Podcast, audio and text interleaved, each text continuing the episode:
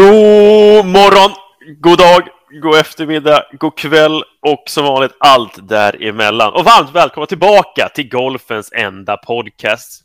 Idag ska vi självklart gå tillbaka till ett normalt och härligt avsnitt, så ingen intervju den här veckan, utan vi ska bränna igenom allt ifrån frågelådan, breaking news, tooliv och såklart i dagens avsnitt så är quizet tillbaka. Men quizet är i form av vart är vi på väg? Men innan vi går in på eh, poddens olika delar så ska vi kolla hur det är med våra härliga poddmedlemmar. Så vi kollar först med lillebror den här veckan. Så Wesley Monier, hur mår vi? Men jag mår bara bra, tack Jonas. Ja, skönt att höra alltså. Fan vad glad jag ja, ja. Nej, men Det har varit en, eh, en intensiv vecka med vinterträning, konka ihop alla övningar och vad folk ska behöva träna på och sitta och diskutera med Ville. Typ 50 elever ska vi gå igenom under den här veckan som varit och ja, det har varit grymt kul. Så det har varit en, en bra vecka faktiskt. Det låter ju alldeles excellent ju. Finns ni ju igång nu med era vinterträningar ordentligt va? Ja men precis. Det är ju andra veckan som vi har kört så nu går vi in i tredje veckan här så det blir, det blir asbra. Alla ska ju få reda på sina övningar den här veckan så det, det blir grymt kul. Nu kanske det roliga börjar när all screening kanske är gjord också gissar jag. Ja men exakt, så är det Ja, superhärligt. Storebror. Hur är själv då? Ja, jag, jag, jag, jag, jag, tänker, jag frågar Wille först, jag kan ta mig sist den här gången. ja, men god morgon. Eh, ja, men det är bra, tack för mig. Eh, som sagt var Wesley drog igenom ungefär vad jag också har gjort den veckan. Eh, det är att eh, ja, men screena våra elever på interträningen och sen har vi suttit eh, mellan passen och eh, gått igenom eh, ja, men individuella planer på varje elev. Och eh, ja, men sjukt eh, kul projekt liksom att få sätta oss ner och se vad, vad kan vi göra för bästa möjliga lösning för varje elev. Liksom. Och vissa elever eh, är mer glasklara än andra. Liksom, vad de, ehm, eh, glasklart är ju inte, det är glasklart vad de, vad de behöver träna på dem. Men sen så lite ibland vad de har för målsättningar och så måste vi försöka klura hur ska vi liksom ta oss an det här liksom. För att kanske ibland kanske vi måste försöka hitta en plan som skiljer sig mot vad de hade tänkt från början. Då. ja, det finns att, lite utmaningar i det också förstås. Liksom. Ja, men alla kanske inte har en klockren eh, analys själva, liksom att de behöver eh, ja, men jag vill bli rakare med hjärnan och så sprider man hjärnan eh, ja, men 10 meter i sidled liksom, eh, vilket är svinbra. Eh, då, då kanske det finns något annat som behöver utvecklas eh, när man inte missar eh, hjärnan och drivern så mycket kanske, utan man faktiskt inte behöver träna så mycket spridning utan kanske behöver träna på längd för att lyfta eh, handikappnivån. Ja, det är den här härliga nulägesanalysen. Vi har ju känt som att vi har varit inne på ganska många delar, att det, den är så oerhört viktig att man får en ordentlig bild av det. Liksom att, det känns mm. som att även spelare på elitnivå kan många gånger ha en liksom skev bild av vad det är som man behöver utveckla egentligen. Ja, men alltså verkligen, det, det, det är sjukt viktigt tycker jag. Även mina, om det kommer unga juniorsar till mig så försöker jag poängtera allihop. Vi måste veta hur bra spelet är så fort som möjligt i alla fall. Och då är det ju statistik men även som sagt var nulägesanalys rent datamässigt då. Och, eh, men det kommer ju komma i kommande avsnitt också, kommer vi hjälpa till. Vi kommer ju prata lite, lite värden och sådär för att försöka göra en liten guide för det. Så kommer vi komma i kommande avsnitt så ni väl får faktiskt en riktigt bra eh, hjälp där också. Ja, det här låter faktiskt jättebra. Får jag slänga över pucken nu då? Hur ja. mår Jonas Gullberg? Jo, jag mår bra. Jag, nu när jag får den här fina frågan ställd till mig, det var jätte, jättebra. Har jag? Nej, men du Wesley, självklart så var det tack så mycket för dig också. Det är tanken som ja. räknas. Tack. Tack. Men eh, jag har haft en bra vecka tycker jag. Jag har ju hållit på att arbeta ganska mycket på indoor nu när säsongen verkligen har gått upp till 100 procent kan man säga. Eller nästan ja, 120 procent med tanke på all beläggning som är nu. Det blev lite vinter även för oss här nere i södra Skåne så man kan ju säga att eh, indoor golf har ju verkligen fått en, en uppsving kan man säga. Ja, förstår jag. Hur mycket snö har ni? Ja, vi nu, bara för att jag säger det, så idag så har ju snön försvunnit. Men vi, vi har ju haft i alla fall upp mot 5-6 centimeter här när det var kalla en och en halv veckan. I alla fall. Just det. Men eh, nu är det klassisk eh, skånsk vinter med två grader, det är snöblandat regn och eh, 8-9 sekundmeter ungefär. Ja, okay. Ja. Men, det är eh, underbart. Ja, men det är fantastiskt. Eh, så hålla sig inomhus gör mig ännu mer glad. Ja, det förstår jag. Men äh, grabbar, ska vi ta oss an första delen i podden, nämligen frågelådan? Ja, när jag ändå nämnt lite grann kring inomhusgolf eh, och att vi har fått en otroligt uppsving så har vi även en liten poddfråga från en av våra kära lyssnare. Och det är, kommer indoor golf bli lika populärt som golf utomhus är i Sverige en dag? Och eh, personligen så tror jag att eh, utomhusgolfen kommer ju alltid vara premieras, liksom, för det är ändå grundidén med sporten och hur den utformning det är. Men jag tror att golf inomhus kommer nog bli ett billigare alternativ som kommer passa fler. Så jag tror att fler kanske kommer vilja spela golf utomhus, men större del av träningen kommer göras inomhus i framtiden. tror Jag Jag tror att det kommer växa till att det kommer bli lite här um, indirekta uppdelning av säsongen, alltså den här periodiseringen och så att folk kommer träna på vintern och medan på sommaren så spelar man mer. Även fast man kanske är en person som ser sig själv som enbart socialgolfare och spelandes så kommer man kliva inomhus och träna mer tror jag. Vad tänker ni grabbar, rent spontant, när ni tänker på inomhusgolf och golf utomhus? Eh, ja, men intresset för, för vintergolf, det, det, tror jag kommer liksom, att man, att man håller igång under vintern som du säger, det, det, tror jag kommer bara bli mer och mer och större och större, för det ser vi på vår vinter, att, att fler vill ha liksom, en strukturerad hjälp liksom, för att bli, bli bättre till säsongen. Sen att det skulle ta över liksom, spelet golf och hur det är utformat från första början, det, det har jag svårt att se. Men eh, det finns ju vissa grejer som eh, lockar, eh, lockar den vanliga svenska torspelaren oerhört mycket som eh, Next Golf Tour och, och de här sakerna som eh, oerhört mycket pengar och eh, möjligheten att man blir en av de här segrarna på vissa av de här tävlingarna känns inte så långt bort för att eh, det bara liksom blir eh, inomhus som man ska säga. Det blir, det, ja, det, jag tror många tycker att det liksom så här, all, alla tycker att det känns möjligt att vinna en inomhustävling på ett annat sätt än att vinna en vanlig golftävling. På något sätt känns det som att spelaren har en lite annan mental inställning till det. Ja, alltså om man tar det på elitgolfen, exakt. Ja, Next Golf-metoden så är ju verkligen så att det, det finns ju det finns ju många olika nivåer av säga, utomhusgolfare som ställer upp i en tävling där man egentligen har mindre chans än någonsin att vinna, men ändå ser sig själv. Ja, men jag är ganska duktig på det här med inomhusgolf. Ja, ja men eh, det är ju ett visst, alltså absolut så är det ju så att eh, den som spelar mycket inomhusgolf har ju en stor fördel. Jag, jag vet att jag testade själv liksom att spela någon jag har ju spelat extremt lite Trackman simulatorgolf och eh, liksom sköt väl typ 12 över första 18 hålen jag gick med, eh, var på tränarutbildning här och eh, då hade jag eh, Pontus Stjernfeldt var, var med bland annat. Han jobbar ju på indoor eh, också, eller har jobbat i alla fall. Ja. Så han har ju bra koll. Och det, det, tog mig en kväll där, och sen nästa kväll så kunde jag väl skjuta i alla fall typ två, tre över eller någonting.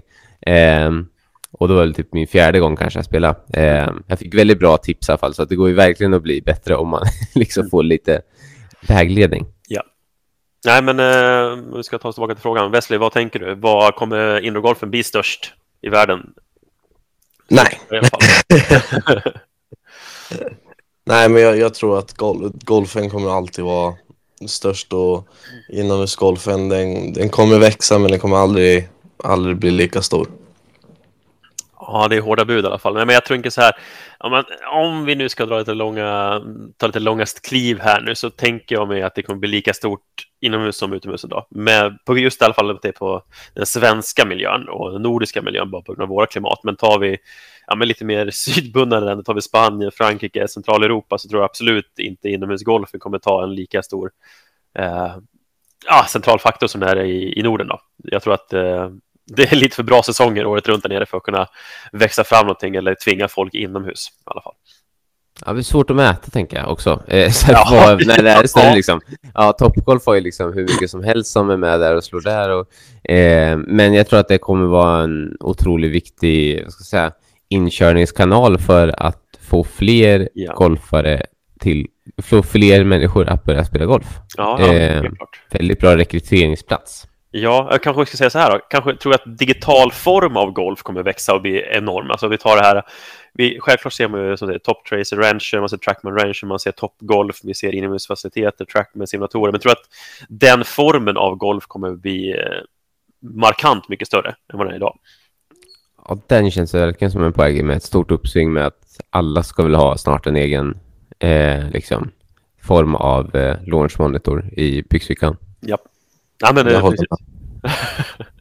ja, det har man ju sett också när man kliver ut på ranchen på somrarna. Den har egen liten, ja, nu finns det ju konkurrens som Mivo Plusen eller de här små, små mm. De här. Ja, precis. De härliga läsarna liksom och spelar sin egen lilla rond på ranchen. Liknande. Ja. Nej, men det, jag tror att det, det är ett nytt sätt att se på i alla fall. Och jag, jag tycker ju om att när folk spelar golf i alla olika former och jag tycker att digitala hjälpmedel i, ja, ska säga, säga, som en form av eh, Trackman Ranch eller Trackman Indoor-faciliteter och liknande kan vara så tror jag att det kommer bara hjälpa folk att vilja spela mer golf utomhus i alla fall. Och det tror jag är det vi ska återgå till att eh, golfen utomhus är väl det som vi brinner för främst, men inomhus golf överlag, det är, tar ju stor plats i många golfares vardag i alla fall. Mm, precis. Så är det. Eh, något mer vill tillägga? Nej, men jag tycker vi kände oss ganska... Vi, vi ja, nej. Jag, jag tror ju eh, spontant nej. Liksom. Nej. Men, eh, men, det- men en väldigt bra rekryteringsplats, det tror jag. Men, Ja. Och att det kommer bli väldigt stort. Men, men liksom, golf är ener- enormt. Liksom. Ja. Vi, vi håller tummarna av oss. Vi, vi avvaktar med spänning i alla fall. Mhm. Vi hoppar in i nästa segment. Vi går in på lite ännu större nyheter, nämligen Breaking News. Vad är inte större rubrik än Nu ska hela världen slå kortare? Eller Wesley, vad säger vi? Ja, men eh, ja, vad ska man säga? Det är ju eh, ett bra försök till att förstöra golfen. Nu sitter säkert många lyssnare hemma och bara, vad är det de pratar om? Vadå slå kortare? Vad förstöra golfen? Nej, nu är det ju så här att det är officiellt att eh, 2028 och 2030 så kommer det ske en stor förändring med alla golfbollar världen över och det är att vi nu ska se en stor förändring av att man börjar slå kortare. Man ska få golfbollen att gå kortare på golfbanan. Det är ju inget problem tror jag för en normal golfare där ute och känner så här, ah, det man, jag vill inte ha fem meter extra med min driver, jag slår för långt för den här banan, utan om någonting så hade de kanske velat haft fem, tio meter till.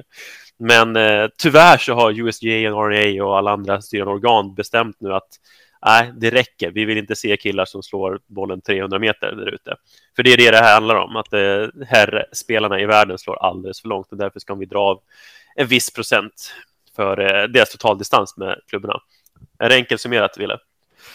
Ja, 20, 2028 är det för elitgolf och, och 2030 blir det för alla som ska liksom göra, genomföra en tävlingsrond oavsett nivå. Eh, och eh, ja, nej men det är ju... Ehm, det, det är inte så... I min värld så kommer ju det här inte drabba eh, de som de vill åt, utan det kommer bli alla andra som får lida. Med. Ehm, tänker att eh, om Rory McIlroy tappar 10-15 meter på sin driver så spelar inte det roll. Han har fortfarande kort järn eller någonting i den stilen. Inte i flaggan, men tappar eh, Brian Harman eh, 10 meter då, som det blir. Så, här, eftersom det inte blir liksom 15 rakt av på alla golfer, utan det blir ju procentuellt eh, på sin slaglängd. Men tappar Harman 8-10 meter med drivern och får en klubba till in mot green så kommer inte spelet bli lättare för de här som inte slår så långt. Nej, och det, det tänker jag också, liksom, att det, det är ungefär som att man har förbisett det faktum att alla de här förändringarna, liksom, att det, det, det kommer leda till att folk kommer stressa fram mer längder i sitt eget spel och det kommer drabba de som redan slår kort och som redan är i hindren och kommer ändå tvingas för att nå fram till hindren kunna slå till bollen lite hårdare. Eh, för det finns ju tyvärr, all data i världen säger ju att desto längre du slår, desto mer möjlighet har du att få en lägre score. Och det Mm. tror jag att man förbiser i det här eh, fallet någonstans. Så, mm, jag tycker det är en jättesynd utveckling på det, att man förändrar hela golfen eh, för grund av några, ja, vad kan vi vara egentligen? Det är, det är 100 man i toppvärldens superelit som slår för långt vad de anser till banorna. Ja, men det, det, jag såg en som sa ju här ganska bra att va, varför göra det för alla golfare när det egentligen kommer bara påverka negativt för alla men framförallt de som bara ska komma ut och ha kul.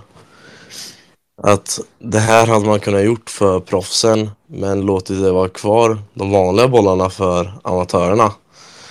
Och sett amatörerna slå närmre längd vad proffsen gör, vilket de hade tyckt var roligare.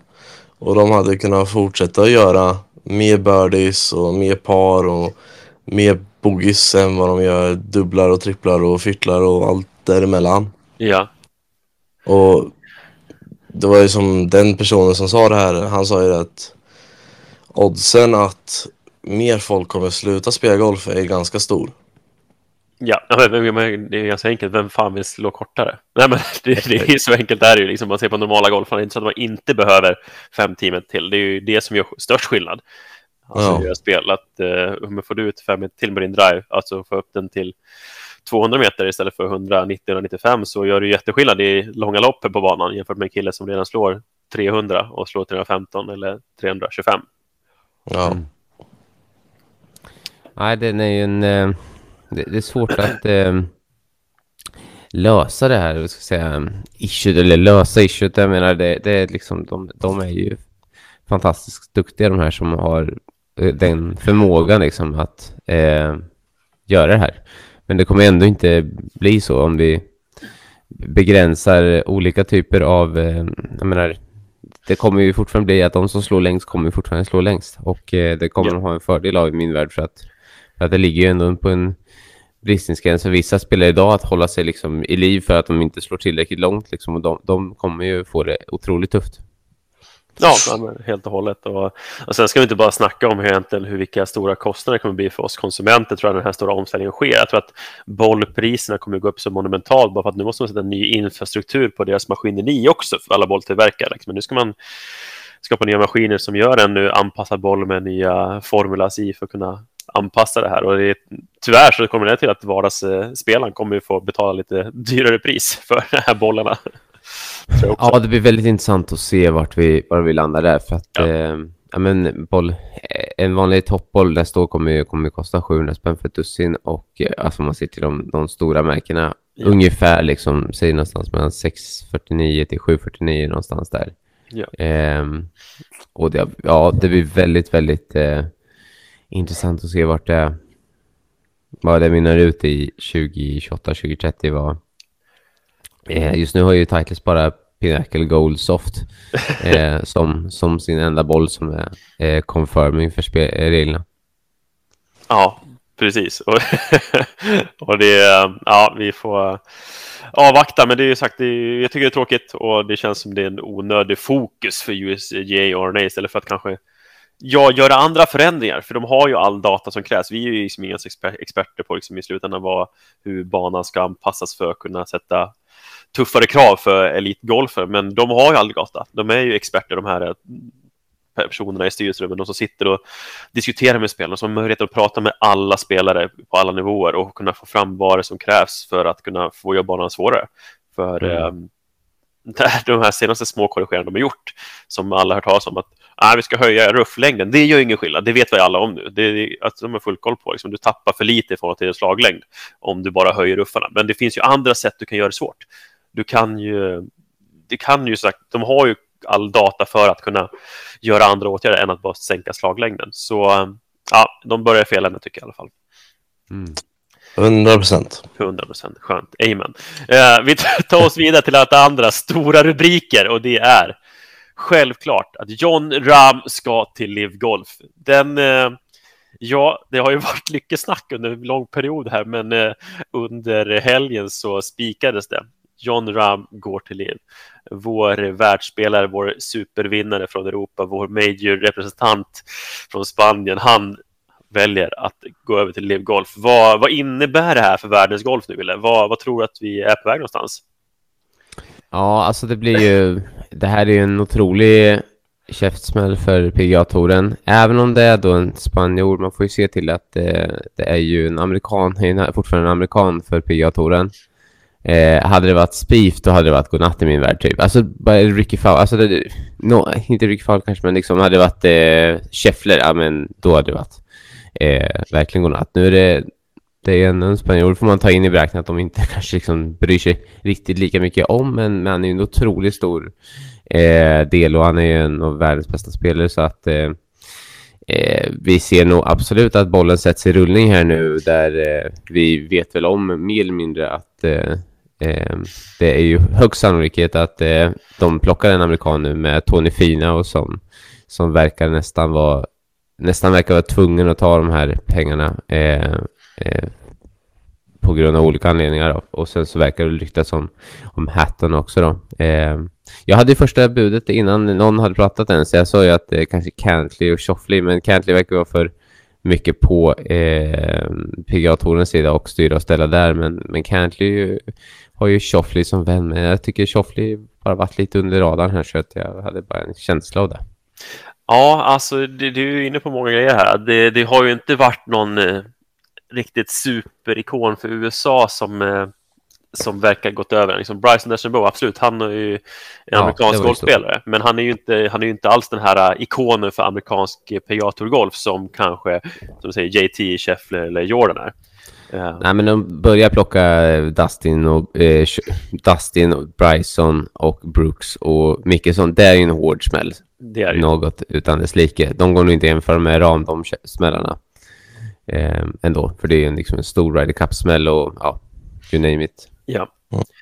Nej, men eh, vi får. Alltså, det, det svåra nu blir att börja sia om framtiden. Visst, man vet ju om den här merge-dealen med USA och LIV. Den ska ju finaliseras och ska det egentligen gå träda i kraft första januari 2024 här. Men eh, det känns mycket som att LIV plockar över lite extra spelare här på slutet av säsongen för att just jag vet inte, sätta press på Piotr att eh, dealen ska gå i lås och det ska inte ske några andra förändringar. För det känns som att det varit ganska mellan eh, att de gick ut med det i media, att den här dealen skulle offentliggöras och spikas, så har det gått i stiltje lite grann. Det har inte hänt så mycket, det har inte sagt så mycket från Jay Monahan eller eh, Yassir, som han heter då, vår prins. Nej, alltså, jag, jag tror jag läste lite, men, men liksom mergen verkar inte vara så mycket mer än att eh, ja, vi kommer överens om att vi ska ha ett möte ungefär. Eh, att det, det är inte så mycket mer som egentligen är beslutat utöver det, utan eh, Nej, i efterhand har det blivit så, med, med, med det statement som sades. Ja, exakt. Och eh, det innebär ju egentligen att de har eh, sista december, då, då finns det ett slutdatum på det här. Eh, sen finns det ingenting. Eh, och eh, jag tror att man plockar ram nu och sen så kanske för att ha ett övertag i förhandlingarna, men, men också kanske förbereds på att det inte går i lås. Ja. Ehm, det finns ju en, tror jag, en stor sannolikhet i att det kan bli det. Ehm, men eh, ja, Ryder Cup och vi pratar världsrankingpoäng och, och sådär och eh, det blir ju otroligt, otroligt, otroligt spännande att eh, se vad, eh, vad som händer här innan nyår. Om det Ja, vi vet ju. Det går verkligen inte att veta. Det är ingen som vet eh, någonting. Vi kan bara veta kanske mestadels vilka spelare som kanske som kommer gå härnäst. Men, men vad som kommer hända kring eh, eh, eh, om det blir någon form av eh, samarbete eller inte, det, det är ju ingen som vet. Knappt ens Jay Monahan vet vad som kommer hända tror jag. Nej, det känns som att det är ovanför Jay Monahans huvud också någonstans. Det beror helt på Mm. liksom vilken agenda Livarna har, de i deras ledning och eh, vad de vill uppnå någonstans. Visst, det kanske är att han, det är säkert många andra som har hört det också, men det kanske är att han vill bara vill kunna vara medlem på Augusta själv, som en liten grej. att det är det han söker, men eh, givetvis tror jag inte det. Men eh, det kanske, ja, världsherravälde inom golfen och få ytterligare en sport som Saudi kontrollerar. Det kanske är bara det kanske är kontrollen de vill åt, att kunna styra och ställa. De finns ju överallt annat i alla andra högsta, högsta rum och finaste rum, så varför skulle inte golfen också beta dem? Nej, det är bara tråkigt. Det är tråkigt att man eh, ser, alltså man, jag tror man alla spelare som sagt var, förstår, förstår Ram liksom att han kan nog knappt säga nej liksom när det, när det kommer upp på den här, alla har väl sitt, alla har väl sitt nummer liksom. Eh, och eh, eh, det är, jag tror Jan Ram fick väldigt mycket påtryckningar från familj och vänner att eh, det här måste du göra liksom. Eh, och eh, det är, eh, det är tråkigt att eh, man ska bara se en så duktig golfspelare liksom bli, bli ändå ska jag säga, uppköpt liksom för pengar. Ja. Ehm, det, nej, och han hade ju lite annan inställning för ett år sedan. Så att, så att det är ju, men, men alla har sin siffra. Ja, 600 miljoner dollar går ju kanske inte att eh, snacka bort när det är... De som Nej. säger att de inte hade tagit den dealen, de ljuger. ja, det, det, ja, det är Tiger då. Det är Tiger. då. Ja. Men han har så jävla mycket ändå. Ja, han kanske är en ja, liksom det. Han, eh, han är ikon på andra sätt och han verkar vara nöjd i situationen han sitter i. Ja. Ja, vi får se, se upp för framtiden. Eller, Ja, behålla ögat öppet och vi kommer nog vara de första med att prata om det i alla fall. Vi vet lite mer. Och det kommer inte vara brist på, brist på nyheter kommande två veckor i alla fall. Så ni kommer få hålla oss uppdaterade i alla fall. Vi eh, grabbar, vi tar oss vidare till eh, nästa segment i podden nu när vi har gått igenom våra härliga nyheter och vi hoppar in äntligen i lite torliv.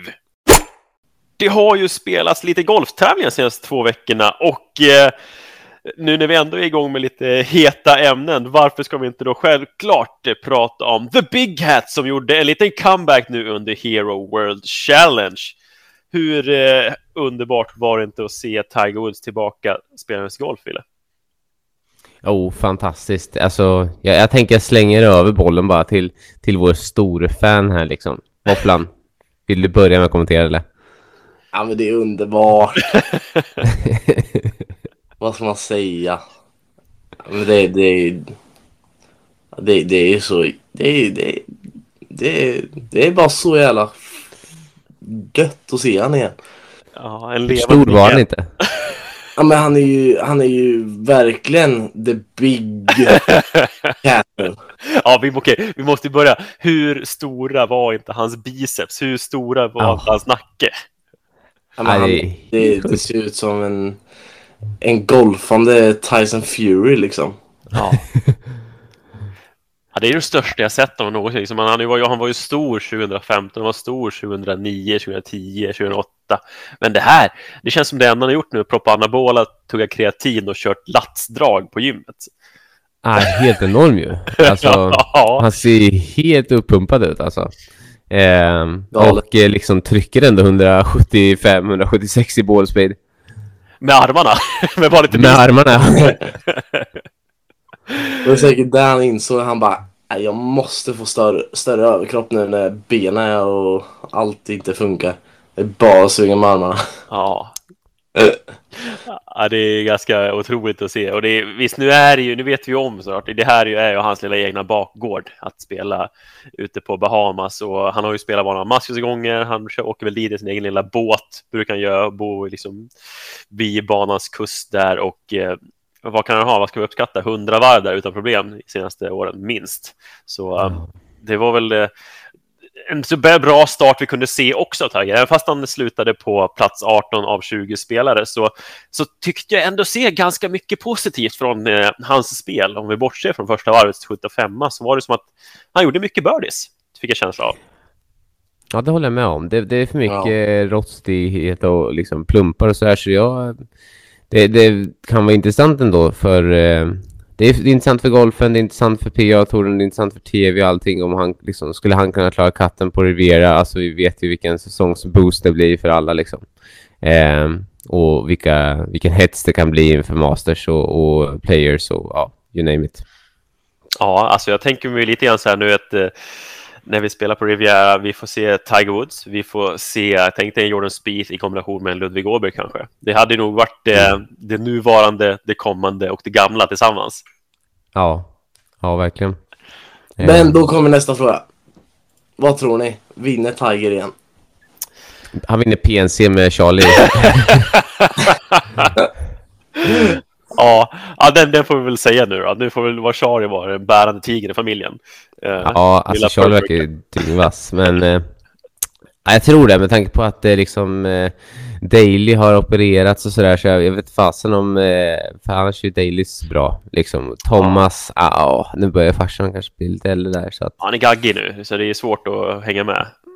Mm, nej, jag tror att Tiger och Charlie kommer ha otroligt bra eh, chanser, för Sing och de vann ju förra gången. Ja, jag vet fasen. Men som Sören på att- Stam då? Brukar inte de vara helt okej? Nej, men han, jag tror inte Will slår tillräckligt långt än riktigt. Han är Eh, mycket knodd va, för ung. Ja, Charlie är ju liksom som sin fader, lite andra gener liksom. Ehm, det är... eh, ja, jag tror att de vinner. Ja, Ehm, ja, det skulle kunna bli en så här, total dominans som de verkligen är på. ja, men jag, jag tror ju tyvärr aldrig Tiger annars kommer vinna en eh, PGA Tour-event eller en Major igen. Han kommer nog kanske inte ens vara uppe i topp 10-skiktet. Men jag lovar er att är han ens i närheten så kommer jag göra allt jag kan för att heja fram. För det finns ju få saker som jag minns så väl som 2019 när han vann eh, på Augusta och jag vet inte hur, vilken otrolig hype det var hela golfvärlden som mm. exploderade efter det. Liksom, vi tänkte att nu kanske kommer de här sista få majorsen som tar sig förbi den här 18-gränsen som man vill efter så länge nu. Och ja. jag tänker att ah, det kanske inte finns det i han, men är han bara upp och dansar lite grann så tror jag golfvärlden nöjer sig som en liten sista dans någonstans. Det tror jag Men, eh, men jag tror att han, han kommer göra sitt yttersta. Det, det, man, man ser inte ut så där efter ja. en skada när man har äh, kraschat sönder bilen och opererat fötterna och ja, you name it. Eh, jag tror inte, man, man ser inte ut så där om man, eh, alltså rent kroppsligt byggd, eh, om man inte är ganska väl motiverad till att eh, göra ett ganska väl tappert försök. Liksom. Så att eh, vi, vi kommer se ett, eh, han, kommer, han kommer krypa in i målningen tror jag. Ja, han har ju lika många skador som Börje Salming vid det här laget så det är inte så konstigt om han hade, hade lyckats med någon större och en, en ytterligare en comeback förstås. Då. Men eh, sagt, det är ytterligare en sak vi får, får sia om här framöver och får se tiden visa för oss. Men eh, det har spelats lite annan golf. Det har varit Live Golf Promotions, alltså det vill säga Live Golfs kvalskola. Ehm, det har spelats ehm, på Abu Dhabi Golf Club i Förenade Arabemiraten och vi har en finne, Kalle Samoja, som lyckades vinna hela kvalskolan och eh, får då titulera sig som Liv Golfspelare under kommande säsong. Det är, det är ingenting som kanske media vill framhäva så mycket, men eh, topp tre i Liv Golf Promotions, de får ett Liv Golf-kort och plats fyra till tio, de får spela International Series. Uh, ja, killar, vill ni säga tillägga någonting mer där? Eh, nej, men eh, kul för dem. Eh, det är inte så att eh, direkt man har så många andra namn man kan känna igen här än Kevin Chappell kanske. Ehm, tyvärr. Vadå, så du menar att Suradit Jongchuren Chai är någonting du har lagt på minnet sedan tidigare?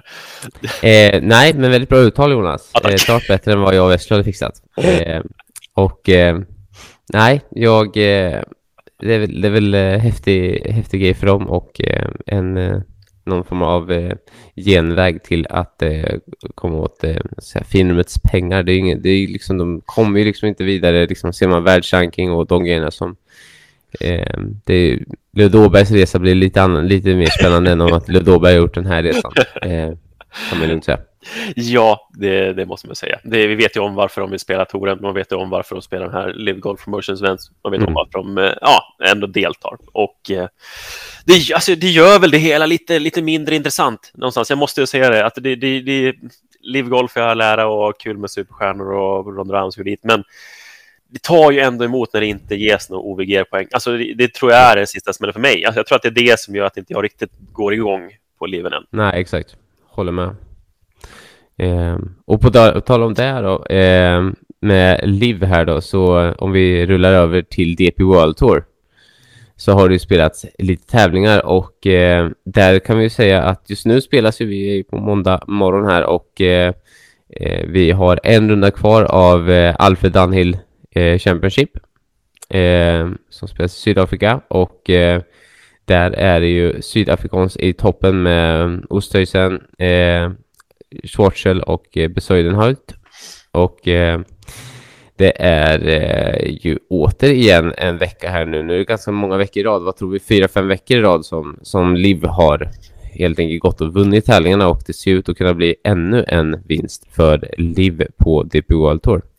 Ja, ja men så är det. Liksom, det, är, det är ju Liv-golfarna som har, som har vunnit alla tävlingar och det är väl ytterligare ett tecken på att DP World Tour har urmjölkats till någon form av mega undertour där liksom de, man, de kliver in, de tar sina rankingpoäng och sina pengar och sen sticker de iväg. Ungefär. Ja, ja, det är lite så känns det som. Så att det är ju jättetråkigt att det är på det sättet och eh, vi, vi får ju definitivt nämna att vi, vi har svenskt med på tävlingen. Där är Jocke Lagergren eh, som är eh, just nu minus två, delad 42. Och eh, vi har Jesper Svensson som eh, missar katten. Anton Karlsson missar tyvärr också katten och eh, Blomé missar katten. Eh, så att eh, ja, vi har våra nya DP-spelare här med, med Blomé och Svensson får väl kämpa på lite. Eh, och eh, det är väl inte riktigt nu som vi tycker att de behöver formtoppa sig. Men det är ändå viktigt att vara på det eh, redan från starten. Jajamän. Eh, Jaha, med det så tänker jag vi hoppar väl över lite till USA. Vi, vi nämnde att eh, The Big Cat hade gjort en liten return. Vi måste ju nämna att eh, eh, Scott Scheffler går in och dominerar eh, Hero World Challenge och, och ja, var ju nästan orubbar under Hero World Challenge. Eh, det var ingen som riktigt kom ifatt honom där. Eh, minus 20, tre slags vinst.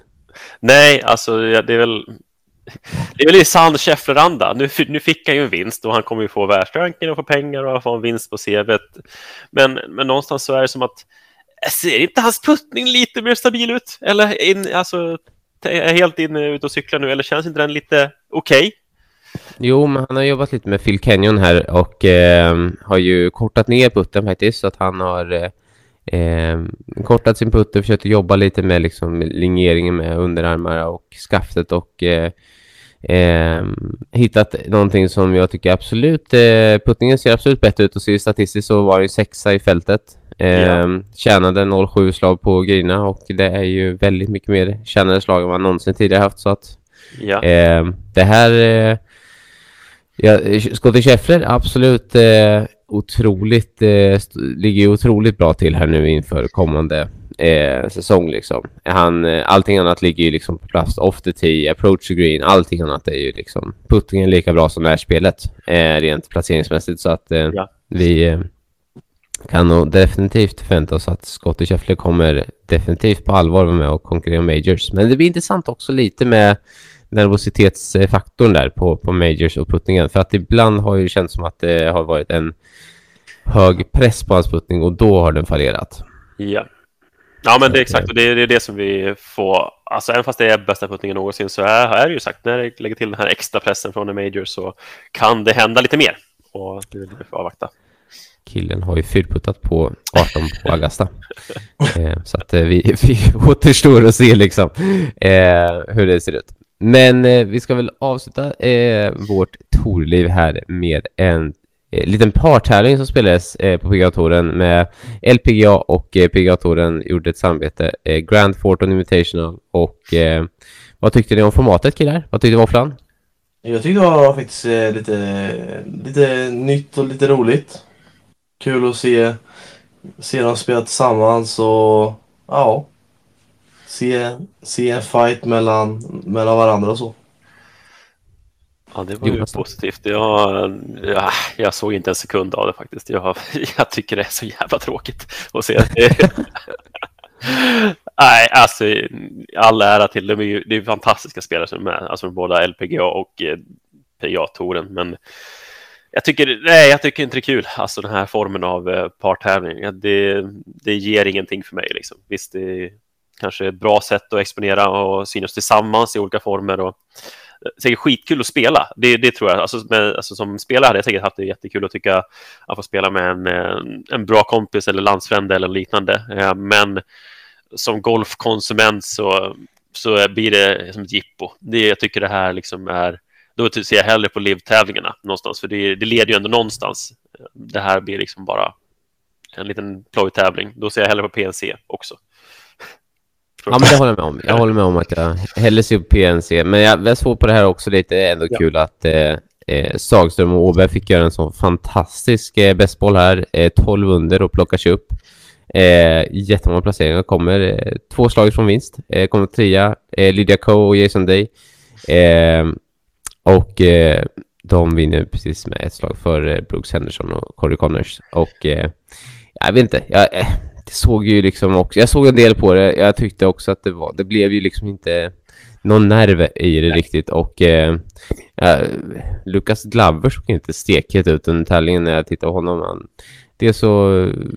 Vissa, det är ju svårt liksom, även för dem liksom. Forsam är ganska tufft alltså spelformsmässigt. Tittar man på det här, det Ja. Det var många konstiga, dåliga puttar och eh, att Lucas Lover såg mest, eh, eh så att säga, han, han tyckte det här, aha, jag måste göra det här tre dagar. Så tyckte jag, spontan känsla bara av honom. Eh, han såg inte ut att njuta en sekund tyckte jag. Eh, men, eh. Nej, men det, det, That's it. that's it. Men alltså, okej, du måste säga någonting positivt ändå, måste jag hävda mig, så jag inte låter helt uh, förfärad över Mm. det här. Det är ju ändå att det, jag tycker det är lite coolt att det skjuts så, otroligt många ronder under 60 när det blir en sån här boll som första dagen. Att man eh, kan... Ja, exakt. Du leder på min 56 efter första varvet. Ja, nej, slänger man ut de här spelarna på en, en scramble då kan man fasen förvänta sig att det blir bra grejer.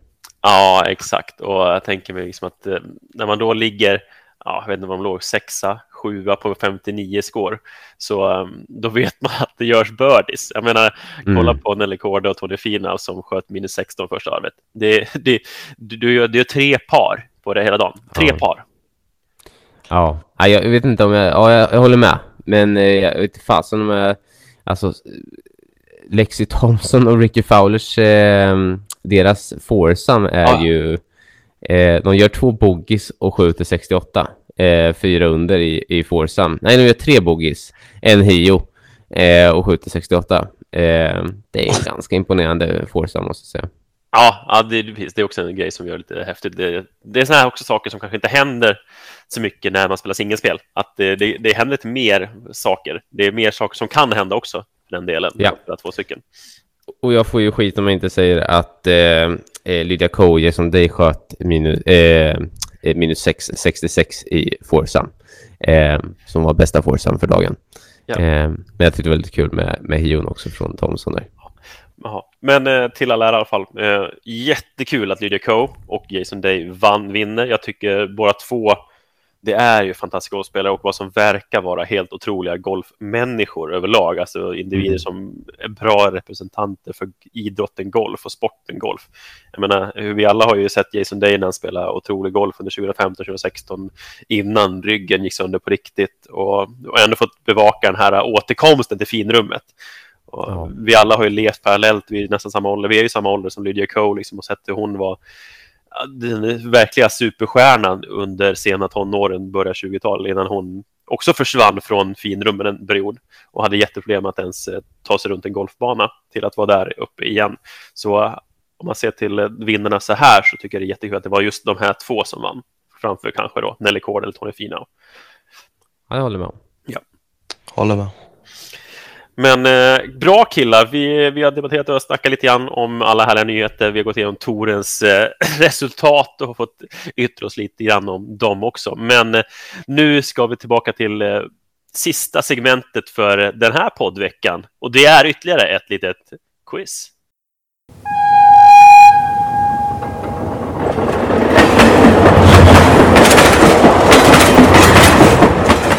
Ja, quiz är kanske inte det rätta ordet, utan det är snarare vart är vi på väg? Den är tillbaka. Det var lite långvila för det här under sommaren och liknande för att vi eh, hittade lite andra sätt att försöka få ihop ett roligt format. Men, eh, men tanken är ju som vi varit inne på tidigare att vi kommer köra någon form av vart är på väg eller quiz var tredje vecka så att eh, vi till slut kan kora en vinnare för säsong två av Golfens enda podcast. Eh, poängformatet kommer ungefär vara 0 till 10 poäng som tidigare. Det är just vart är vi på väg. Delen kommer självklart vara som vanligt 10, 8, 6, 4, 2 beroende på vilken ledtråd man tar poängen på. Men eh, grabbar, det är ju som det gäller nu. Det är den som får mest poäng under säsongen, under säsongen som kommer kunna kora sig vinnare. Hur, hur känns det nu, Ville? Efter Alltså, revansch är siktet. Alltså, jag, jag kan inte ta två säsonger i rad med förlust. Alltså, jag måste ha revansch. Våfflan då? Är du inne på samma spår fast du ska vinna, fortsätta vinna? Ja, men jag gör väl som eh, förra säsongen. Släpper, ut, släpper iväg Ville så han tror att han har något och sen kommer jag där och ja, som en storm på golfbanan. Ja, det låter fantastiskt. Men eh, vi tar oss in i veckans Vart är vi på väg? Eh, för 10 poäng! Norrut. Vi åker från en ort i söder, förbi vår svenska kung och mina poddbröder. I östra Aros har vi vår golfklubb.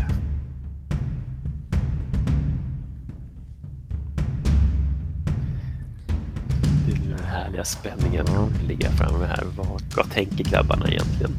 Blir det var en tuff en kanske första. Jonas.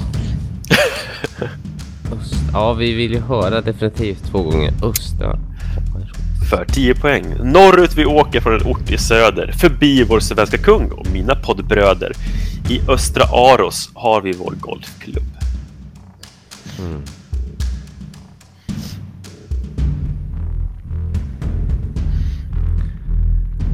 Eh, Ja. Vi är ju i Sverige i alla fall. Ja, det är Den bra William. är Vi, vi, vi kommer vara kvar i Sverige så mycket vi kan om det inte... Om inte vi är i söder och åker söder, då blir det kanske tufft. Men, då kanske vi eh, landar någonstans. Exakt. Vi tar oss vidare till 8 poäng.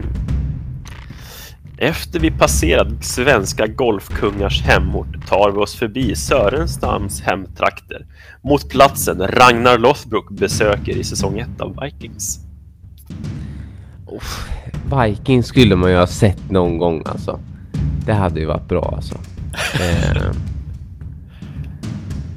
eh, ja. Eh, mm.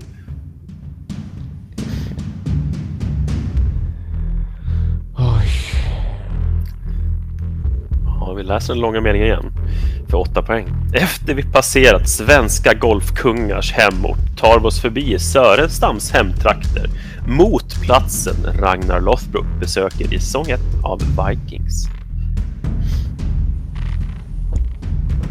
Mm. Ja, ni vet ju reglerna sen som alltid. Det är den här fina tågtutan som måste ges för att kunna få stoppa tåget här nu och nå oss fram hela vägen till vår destination. Ja. Eh, känns ju oerhört irriterande att man inte har sett Vikings. Alltså det känns som att man hade tagit det då. Vi tar oss vidare till 6 poäng. Slott finns det gott om, men det finns inte vid vår destination. Eh, har du besökt Fyrisfjärden eller Gränby ishall är du för centralt belägen och måste köra ifrån stadskärnan.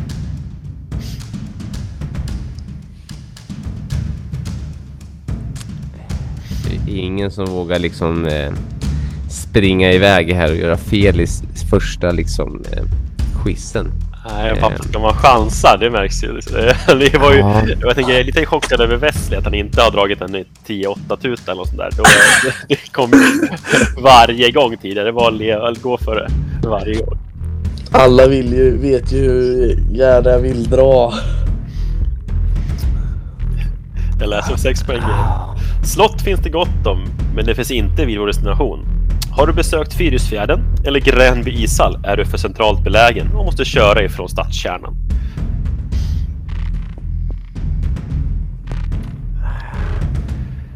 Nej.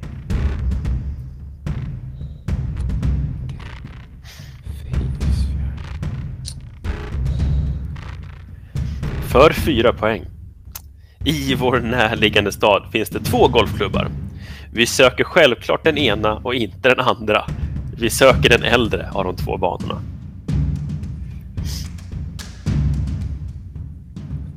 Ja, vilken ledtråd Jonas! Om man liksom inte vet vilken stad man är i.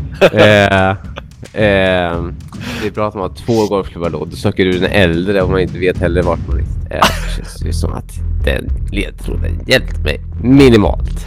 Eh, mm. eh, ja... Jag vet ju liksom ungefär vart vi är i liksom brytgränsen, vart vi inte är under i alla fall. Men Sverige är ju ganska stort liksom. Ehm, Vi läser fyra Okej. poäng igen. I vår närliggande stad finns det två klubbar. Vi söker självklart den ena och inte den andra. Vi söker den äldre av de två banorna. Våfflan. Vi har en tågtuta, men eh, det var en dålig tuta. Får jag höra en gång till? Våfflan! Där har vi tutan! och nu inväntar jag svar i, eh, som ska registreras här lite snabbt och enkelt bara. Det här kan ju vara så jävla dumt som vanligt, men men. Det är så jag lever. det är alltså för er tittare nu, så, eller er lyssnare, så ja, Wesley sitter jag alltså just nu och gissar det här nu då. Eh, för det är alltid en gissning och sen så brukar de här gissningarna vara oerhört kvalificerade från våfflan och han brukar ofta ha Eh, ja, han brukar liksom göra en hole-in-one lite när han slänger iväg sina, eh, sina svar. Någonting man något siktar Ville inte har gjort eller vad det tänkte komma till? Ah, jag vet inte. Jag är irriterad att jag är helt lost här. Som vanligt. Vi eh, tar sista två poängen. Jag har fått svaret från Wesley i alla fall. För två poäng. Poddfavoriter såsom Pontus Nyholm, Adam Blomé, Jesper Svensson och Lisa Pettersson har alla spenderat tid på klubben under sina år på golfgymnasiet.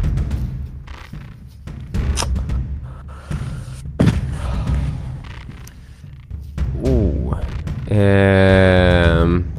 Ja. Ehm. Ville? Jag har sista. Ja. Då kommer ett svar här då. Eh, ska vi bara se så vi har Jonas här då.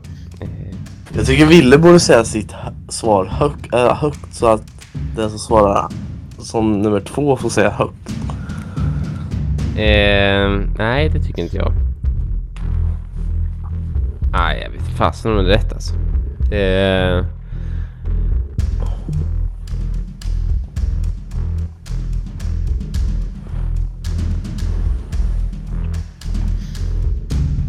har Jonas registrerat svar?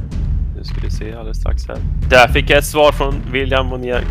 Och eh, jag har nu, får vi läsa självklart sista två poängen en gång till för att alla ska kunna få lyssna och samma chans till ledtråden.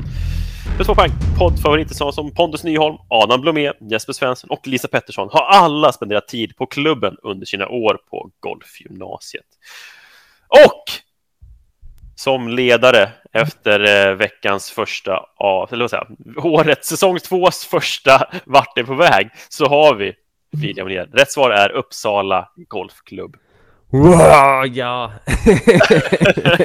Viktigt! Viktigt två poäng. Det är 2-0 efter att Wesley har svarat Brobolta, som man kan eh, gissa på eftersom det är nära. Men det är inte rätt förstås i det här fallet. Vi eh, tar oss igenom våra härliga poäng och ledtrådar. Norrut, vi åker från ort i söder, alltså det är jag som åker norrut. Vi börjar där helt enkelt. Förbi vår svenska kung och mina poddbröder. Eh, Så långt var jag med. Exakt, så jag har åkt förbi härliga Norrköping, jag har åkt förbi där svenska kungen bor, jag har åkt förbi Stockholm och i Östra Aros har vi vår golfklubb. Och för de som kan lite gammelsvenska och har koll på sin historia så var Uppsalas första namn Östra Aros. Ah, den missade jag, den lektionen. den historielektionen. För åtta poäng efter passerat de svenska golfkungarna. Och det de svenska golfkungarna är ju som sagt de som vi nämnde senare. Det är just nu Adam Blomé och Jesper Svensson. Eh, så tar vi oss förbi Sörenstams hemtrakter. Och det är ju där, vi, där Wesley är inne på, Bro-Bålsta Ja, Golfklubb. Där alla de här nämnda nu är ifrån från början, nämligen Bro-Bålsta. Eh, och vi rör Det är, oss mot det, det är helt enkelt katastrofdåliga ledtrådar. men Vilseledande. Sen kommer andra halvan här. Mot platsen Ragnar Lothbrok besöker i säsong 1 av Vikings. Så det är ju Uppsala som man åker till. Där de ska få sin lilla, ja, nu ceremoni av något slag för de som tycker om Vikings. Sex poäng. Slott finns det gott om. Ja, det finns det väldigt många av i Uppsala, men eh, de finns inte vid vår golfklubb eftersom det ligger lite mer centralt. Eh, Fyrisfjärden, det är ju såklart deras, eh, ska man säga, bollklubb. Det finns tennis, det finns badminton, det finns paddel och det finns självklart lite squash. Gränby ishall, det är Almtuna ishockeys eh, hemtrakter, kan man säga. Det är där de spelar sina ishockeymatcher. Och de ligger då i olika delar av Uppsala. Utan vi måste ut från staden för att kunna ta oss till Uppsala Golfklubb. Så det ligger lite väster om. För fyra poäng i vår närliggande stad finns det två klubbar. Ja, det är två stycken speciella klubbar vi faktiskt kollar efter. Det är Uppsala Golfklubb eller Golf Uppsala. Så man kan ju verkligen vilseledas. Golf Uppsala, det är Söderby och Edenhof för de som har koll på de banorna. Blir inte det tre klubbar då? då lite? Kan man ju nästan eh, tre banor i alla fall då? Ja, tre banor finns det. Det är det. Eh, Men eh, det är väl kanske klubbarna som eh, jag kanske försökte tänka på i alla fall. Så Ja, ja. Men jag tänkte att jag, jag blev... Vi kan säga att jag blev lite vilse, annars hade jag ju givetvis dragit tidigare. Ja, ja, just det. och vi söker den äldsta, vilket då är Uppsala Golfklubb som 1930 någonstans köpte av lite mark från regementet och militären där ute och så gjorde de en liten egen golfbana och därefter så ledde det lite olika saker till att de fick till en golfklubb. Lite spännande faktiskt. Eh, för två poäng, sista poddfavoriter. Pontus Nyholm, Adam Blomé, Jesper Svensson och Lisa Pettersson. Våra härliga superstjärnor som nu håller på att ta över världens golf. De har spenderat tid på samma golfgymnasium som jag även har gjort även Uppsala golfgymnasium på Celsiusskolan utgick ifrån och det är i Uppsala. Och då har vi då spenderat tid på Uppsala Golfklubb. Det var det!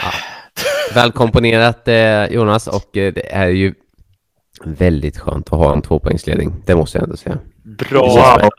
Hela två poäng. Jag är tillbaka känns som. Eh, det, det känns bra. Eh, det känns lovande för framtiden. Ja, det, det är riktigt eh, bra jobbat i alla fall. Jag gillar att ni eh, verkligen tänkte efter nu och höll i era gissningar så länge ni kunde tills ni faktiskt var, hade en kvalificerad gissning. Och jag tror att i längden så kanske det här finns lite mer potential i att kunna bli något riktigt stort. Ja, det... 10 poäng nästa vecka. Nästa gång. Nästa gång, ja. Men Eh. eh, grabbar, oerhört stort tack för idag. Bra poddat och hoppas att vi inte bara snackat massa skit nu så våra lyssnare spyr över det vi nämner.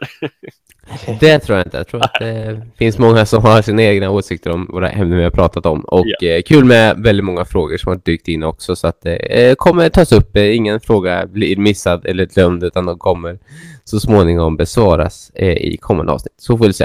Ja, eh, som vanligt, eh, börja följa oss på Spotify eller på din lokala poddutgivare så kan du ta del av våra härliga avsnitt som kommer varje vecka i olika format. Eh, och självklart så kan du även följa oss på sociala medier som Instagram. Vi finns ju även nu på X och eh, alldeles snart TikTok, men eh, de delarna har då Ville står för vårt X-content och så står eh, snart Wesley för vårt TikTok-content. Så håll utkik helt enkelt. Ja. Så är det ju. ja, om inte annat så grabbar, tack för den här veckan så ses vi nästa vecka igen. Ha det så bra. Hej!